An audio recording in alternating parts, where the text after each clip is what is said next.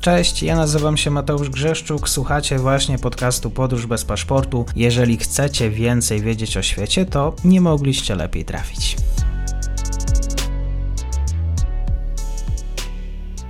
Dzień dobry wszystkim słuchaczom. Mam przyjemność dzisiaj gościć na kanale Aleksandrę Marię Spancerską, analityczkę do spraw Turcji, Polski Instytut Spraw Międzynarodowych. Dzień dobry. Dzień dobry. Prezydent Ukrainy Władimir Zeleński miał zarzucić e, Turcji taką grę na dwa fronty. Ważny wątek. Jest z jednej strony e, Erdogan występuje jako taki mediator i chce wspierać Ukrainę, ale z drugiej strony, no tutaj na przykład prezydent Ukrainy wskazał, że Turcja szykuje udogodnienia dla rosyjskich turystów. Jak to jest z tym stanowiskiem Turcji w końcu? Dobrze, więc może zacznę od naszkicowania jakby tutaj stanowiska Turcji wobec e, tego konfliktu rzeczywiście takie e, sformułowanie padło i to sformułowanie, o którym Pan e, wspomniał, padło w specyficznych e, okolicznościach, czyli po wizycie, po wizycie Ibrahima Kalena na Ukrainie, w Kijowie, i przed, przed możliwym spotkaniem prezydenta Erdoana z Władimirem Putinem, czyli tutaj no, prezydent Ukrainy stara się wywrzeć jakąś e, presję, e, presję na stronę turecką, ale może zacznijmy od takiego krótkiego szkicu, żeby pokazać, jak to czy to stanowisko się zmieniało, czy y, jakby tutaj e, jest żadnych zmian nie dostrzegamy, więc od początku Turcja e, stara się pozostawać bezstronna i właśnie odgrywać taką rolę pośrednika pomiędzy tymi zwaśnionymi stronami, chociaż w takiej warstwie retorycznej możemy dostrzec to, że wyraża takie jednoznaczne poparcie dla Ukrainy, ale jednocześnie też dostrzegamy, że w tej um, retoryce jakby nie ma takich, takich ostrych sformułowań wymierzonych e, we Władimira Putina. No i możemy zadać pytanie, dlaczego tak się dzieje. W ten sposób tureckie władze chcą realizować swoje cele we współpracy z oboma państwami i jednocześnie poprawiać swoje stosunki z Zachodem, które w ostatnich latach były mocno napięte za sprawą takiej konfrontacyjnej polityki zagranicznej. Wynika to też e, z takiego przekonania tureckich decydentów, że Turcja nie może się odwrócić od Ukrainy, ale ale jednocześnie nie może sobie pozwolić na e, zerwanie związku z Rosją. Więc jakby ta strategia balansowania i ta próba odgrywania pośrednika cały czas jest kontynuowana.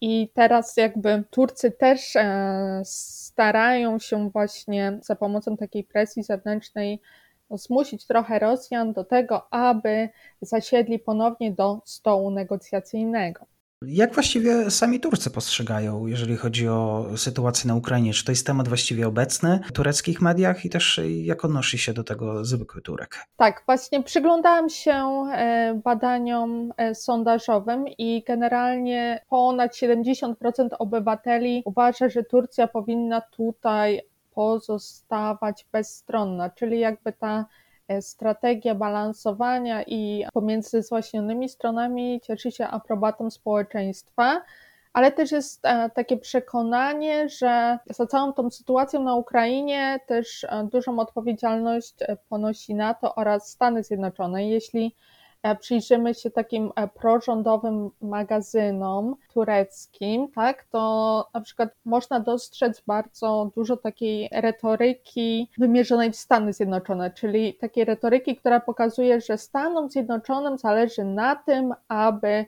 podsycać wojnę e, na Ukrainie. I taka retoryka podsycająca taki antyamerykanizm w społeczeństwie tureckim no, się pojawia i to jest bardzo wyraźne i to ja też w takich rozmowach z, z tak zwanymi przeciętnymi Turkami też dostrzegam, czyli właśnie ta rola Stanów Zjednoczonych, tak, że Stanom Zjednoczonym zależy na tym, aby podgrzewać ten konflikt, stąd e, wysyłają e, uzbrojenie, środki finansowe, więc e, to jest bardzo mocno obecne. No i właśnie te szlaki turystyczne, jeżeli chodzi o szlaki turystyczne dla Rosjan w Turcji, czy rzeczywiście Turcy nie mogliby zrezygnować właśnie z tego rosyjskiego klienta? Właściwie jak ważna jest ta turystyka w relacjach pomiędzy krajami? Tak, więc może zacznijmy e, od tego, że Rosjanie byli największą, stanowiącą ponad 4 miliony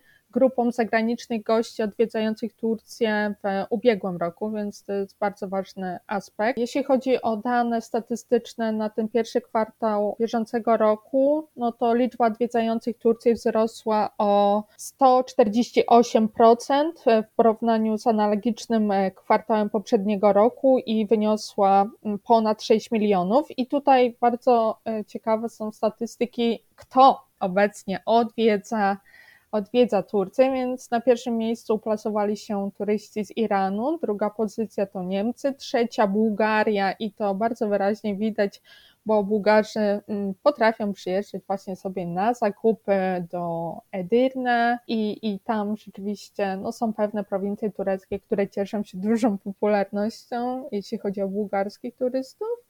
I na czwartej pozycji byli Rosjanie, więc jakby ten aspekt e, turystyki jest e, w dalszym ciągu bardzo ważny. Chociaż e, w ostatnim czasie pojawiły się też ułatwienia dla polskich turystów, bo teraz e, do Turcji można e, jechać e, posługując się jedynie dowodem, więc to też taki ukłon, no myślę przed tym rozpoczynającym się sezonem turystycznym, ale w każdym razie Rosjanie w dalszym ciągu są jakby w tej pierwszej piątce turystów, którzy odwiedzają Turcję. W tej całej no, niejednoznacznej postawie tureckich władz wobec Ukrainy kraj jednak nadal kontynuuje wsparcie właśnie dla, dla Kijowa. Jak to wygląda dzisiaj w sferze również dyplomatycznej, gospodarczej? Również chodzi e, oczywiście o turecki sektor zbrojeniowy. Tak, od początku rosyjskiej inwazji Turcja podjęła na Ukrainie działania humanitarne, innymi za pośrednictwem e, tureckiego Czerwonego Półksiężyca,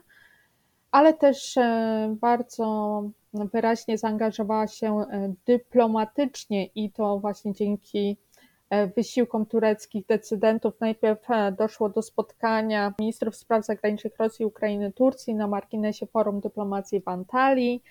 To było 10 marca, a następnie, no właśnie dzięki takiemu klimatowi zaufania do strony tureckiej, to była taka dogodna płaszczyzna do tego, aby zorganizować rundę negocjacji w Stambule 29 marca i w trakcie, w trakcie negocjacji e, tutaj strona ukraińska oświadczyła, że od gwarantów przyszłego porozumienia chce otrzymać mechanizmy ochronne podobne do tych, które zostały e, zawarte w artykule 5 e, Traktatu Północnoatlantyckiego. Z kolei wówczas strona rosyjska zadeklarowała ograniczenie operacji wojskowych w obwodzie kijowskim i czernichowskim, co potem potwierdziło e, wycofanie wojsk. I um, chciałabym tutaj podkreślić, że Turcja na tym etapie odgrywała nie tyle rolę mediatora, ale facylitatora, czyli no tutaj w wypowiedzi prezydenta Erdoana pojawiło się takie sformułowanie jak kolejlasztyrydży, czyli taki pośrednik, pośrednik ułatwiający no, podjęcie zwaśnionym stronom dialogu, tak? Aczkolwiek tutaj Turcy w dalszym ciągu wyrażają gotowość do udzielenia niezbędnego wsparcia stronom tak długo, jak będzie to konieczne, tak? Jak długo będą tego potrzebować. Jest też e, kwestia wsparcia militarnego. Jak wiemy, Turcja i Ukraina podpisały innymi e, jeszcze przed wojną porozumienie o współpracy w zakresie przemysłu obronnego. Ukraina zamówiła też od Turcji drony Bayraktar TB2, które, które właśnie zyskały status no, kultowych w tej wojnie, bo o Bayraktarach tworzy się nawet piosenki. I jakby to wsparcie w dalszym ciągu jest dostarczane i to pokazują dane ogłoszone na początku kwietnia bieżącego roku przez tureckie Zgromadzenie Eksporterów. I te dane mówią, że eksport tureckiego przemysłu obronnego na Ukrainę wzrósł z około 2 milionów dolarów do ponad 59 milionów dolarów w pierwszych trzech miesiącach 2022 roku, co stanowi prawie 30-krotny wzrost w porównaniu porównaniu z analogicznym okresem poprzedniego roku, co też udowadnia to, że no, Turcja e, nie pozostawia sojusznika w potrzebie. Jeszcze z takich ciekawostek mogę powiedzieć, że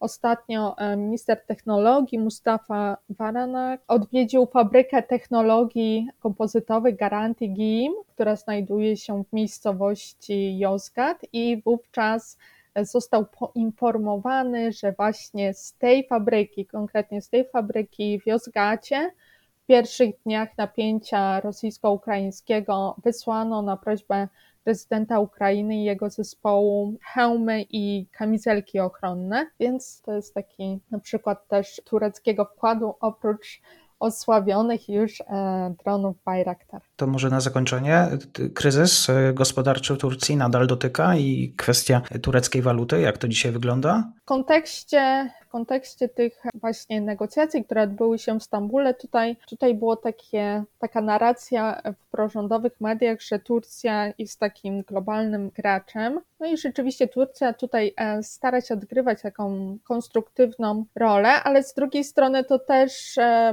ma w jakiś sposób odwrócić e, trochę uwagę od tych problemów gospodarczych, o których Pan wspomniał. Tutaj oczywiście najważniejszą trudnością jest inflacja, bo według oficjalnych danych, które są najprawdopodobniej zaniżone, i stopa wzrosła w marcu do ponad 61%, ale są dane instytucji niezależnych, które mówią o wzroście tak do ponad 142%, więc te różnice są no, bardzo istotne. Rzeczywiście E, to potęguje, tak? E, potęguje niezadowolenie wśród e, społeczeństwa. W zasadzie codziennie no, można spotkać się z doniesieniami prasowymi, które mówią o właśnie wzroście, wzroście cen benzyny, czy też biletów na komunikację miejską, cen żywności. Także cały czas jakby tutaj ten temat e, jest bardzo żywy i dyskutowany w społeczeństwie tureckim i tak w takich e, rozmowach z przeciętnymi Turkami jakby ta kwestia wysuwa się na pierwszy plan, to znaczy no, kwestia właśnie podwyżek i, i stopy inflacji. To, to jest taka główna bolączka, która dotyka przeciętnych Turków. Dzisiaj turecka perspektywa. Aleksandra Maria Spancerska z Polskiego Instytutu Spraw Międzynarodowych. Bardzo dziękuję. Dziękuję bardzo.